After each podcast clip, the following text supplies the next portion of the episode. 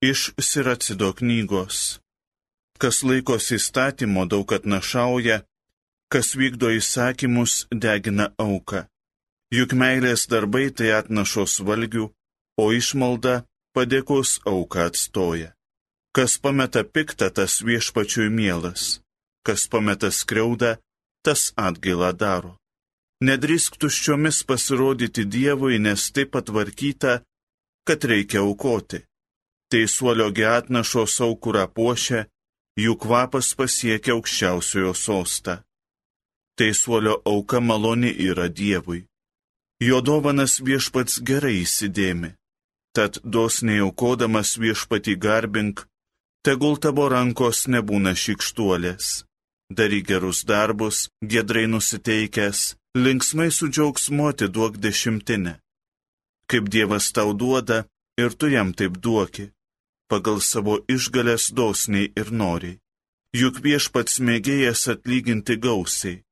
Jis viską gražins tau net septyneriopai. Neduok jam kyšio, nes jis nepriims jo. Nedėki vilčių į aukas neteisėtas. Pagrobtos gerybės netinkamos aukai, nes viešpats teisėjas bešalis, teisingas. Tai Dievo žodis.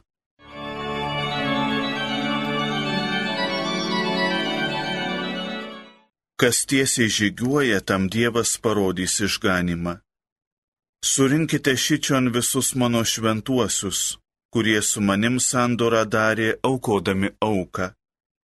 Štai jau skelbė dangus jo teisingumą, pats Dievas pradeda teismą. Kas tiesiai žygiuoja, tam Dievas parodys išganimą. Pasiklausyk mano tautą, aš tau kalbėsiu, barsiu tave Izraeli.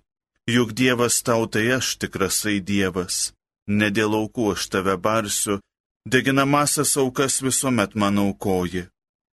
Kas tiesiai žygiuoja, tam Dievas parodys išganimą. Padėkos auką Dievui aukokė, aukščiausiam padarytus įžadus vykdyk. Kas šlovinimo auką aukoja, tas mano gerbėjas. Kas tiesiai žygiuoja, tam Dievas parodys išganimą. Alleluja.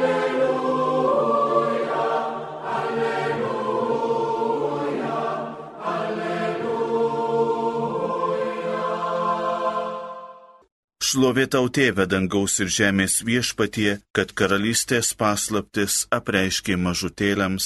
Alleluja, alleluja, alleluja. Viešpat su jumis. Pasiklausykite Šventojios Evangelijos pagal Morku. Petras ėmė Jėzui sakyti, štai mes viską palikome ir sekėme paskui tave. Jėzus tarė, iš tiesų sakau jums, nėra ne vieno, kuris dėl manęs ir dėl Evangelijos paliktų namus ar brolius, ar seseris, ar motiną, ar tėvą, ar vaikus, ar laukus, ir kuris jau dabar šiuo metu negautų šimteriopai namų brolių, seserų, motinų, vaikų ir laukų, kartu su persekiojimais, ir ateisiančių laikų amžinojo gyvenimo. Vis dėlto daug pirmųjų bus paskutiniai ir daug paskutinių pirmieji. Girdėjote viešpatį žodį.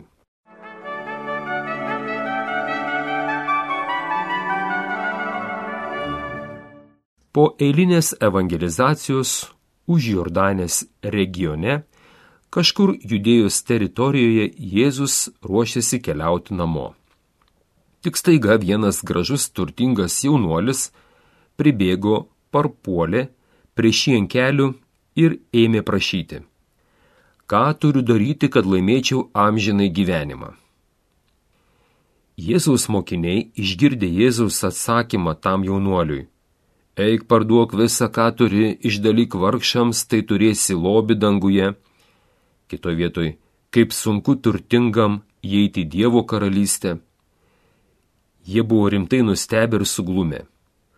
Net uždavė mokytojui klausimą, kas tada galės išsigelbėti. Viešpas pažvelgė juos ir tarė, tai neįmanoma žmonėms, bet ne Dievui. Dievui viskas įmanoma. Morkaus Evangelijos 10 skyrius 17-27 eilutės. Mūsų dienos Evangelijoje Petras prabyla. Primindamas Jėzui bendradarbiavimo sutartį, štai mes viską palikome ir sekime paskui tave.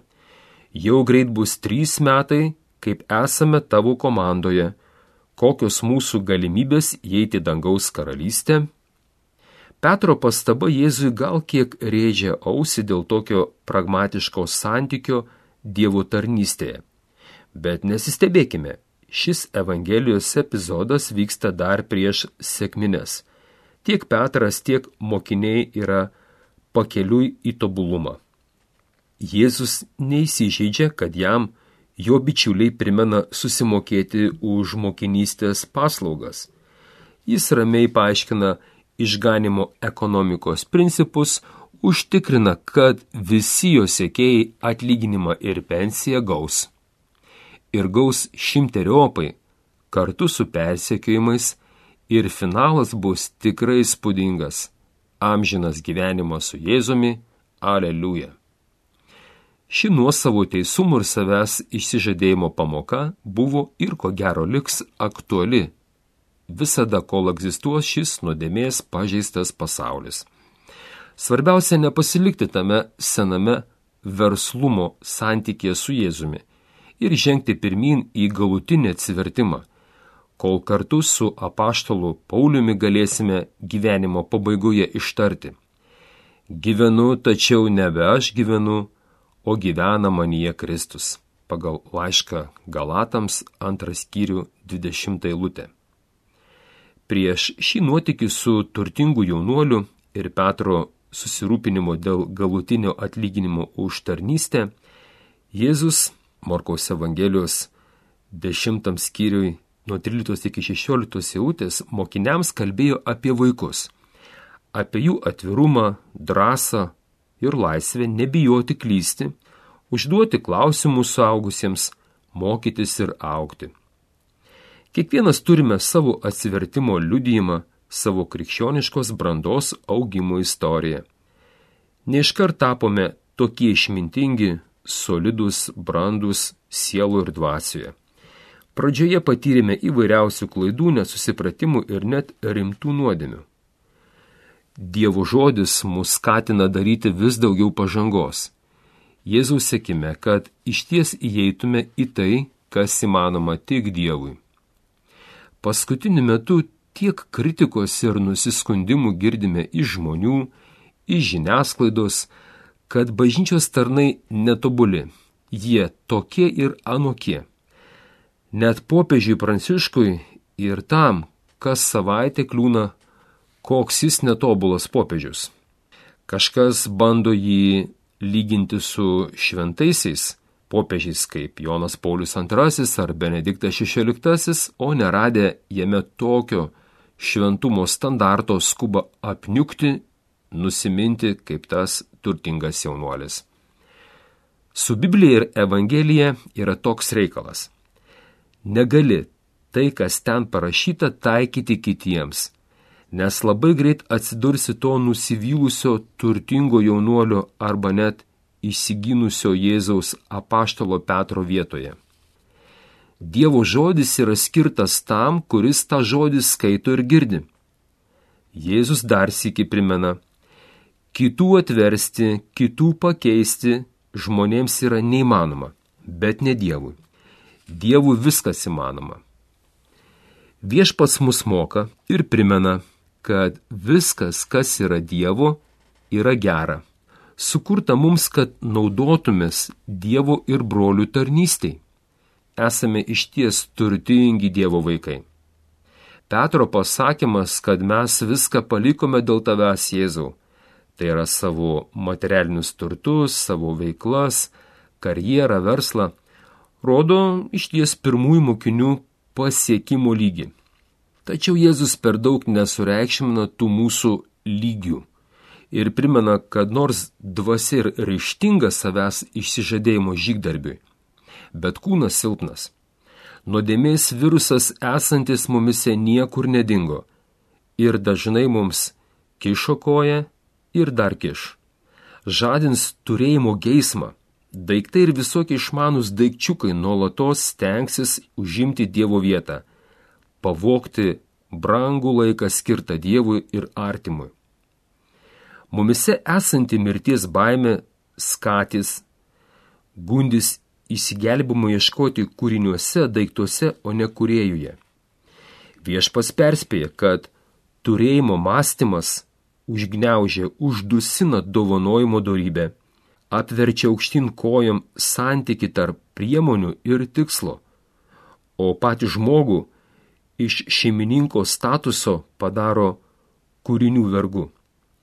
Atkreipkite dėmesį, šis turėjimo mąstymas yra prasiskverbęs net į pačius artimiausius santykius šeimoje, bendruomenėje. Mes dažnai, pristatydami save, sakom, turiu šeimą, turiu žmoną, turiu vyrą, turiu vaikus, turiu šunį, katę, turiu automobilį, turiu namą. Tiesiog viską sudėdami į daiktų lygį. Retai kada net tarp krikščionių išgirsi, esu šeimos narys, esu vyras žmonai arba žmona vyrui. Esu tėtis, esu mama vaikams, esu brolis, esu sesi esu tikintis, o neturiu tikėjimą ir panašiai. Turto daiktų godumas yra tikra stabmeldystė, pagal laišką kolosiečiams trečias skyrių penktą eilutę, o prisirišimas prie pinigų visokio blogio šaltinis, pagal pirmą laišką Timotėjų šeštą skyrių dešimtą eilutę.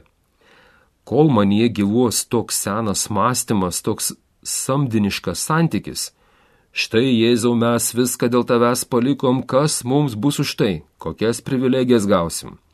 Tol tikrai lengviau kupranugaris pralys pro adato sausi, negu mes įeisim į dangaus karalystę. Pabaigai. Ką galiu dar padaryti, kad laimėčiau amžinai gyvenimą?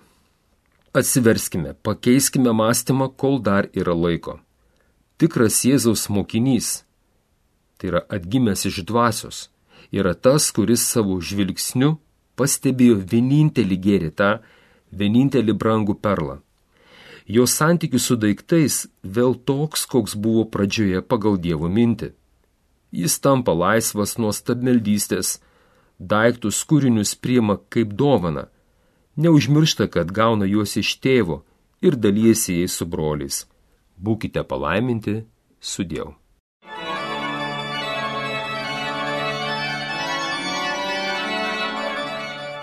Homilija sakė brolis pranciškonas kunigas Paulius Vaineikis.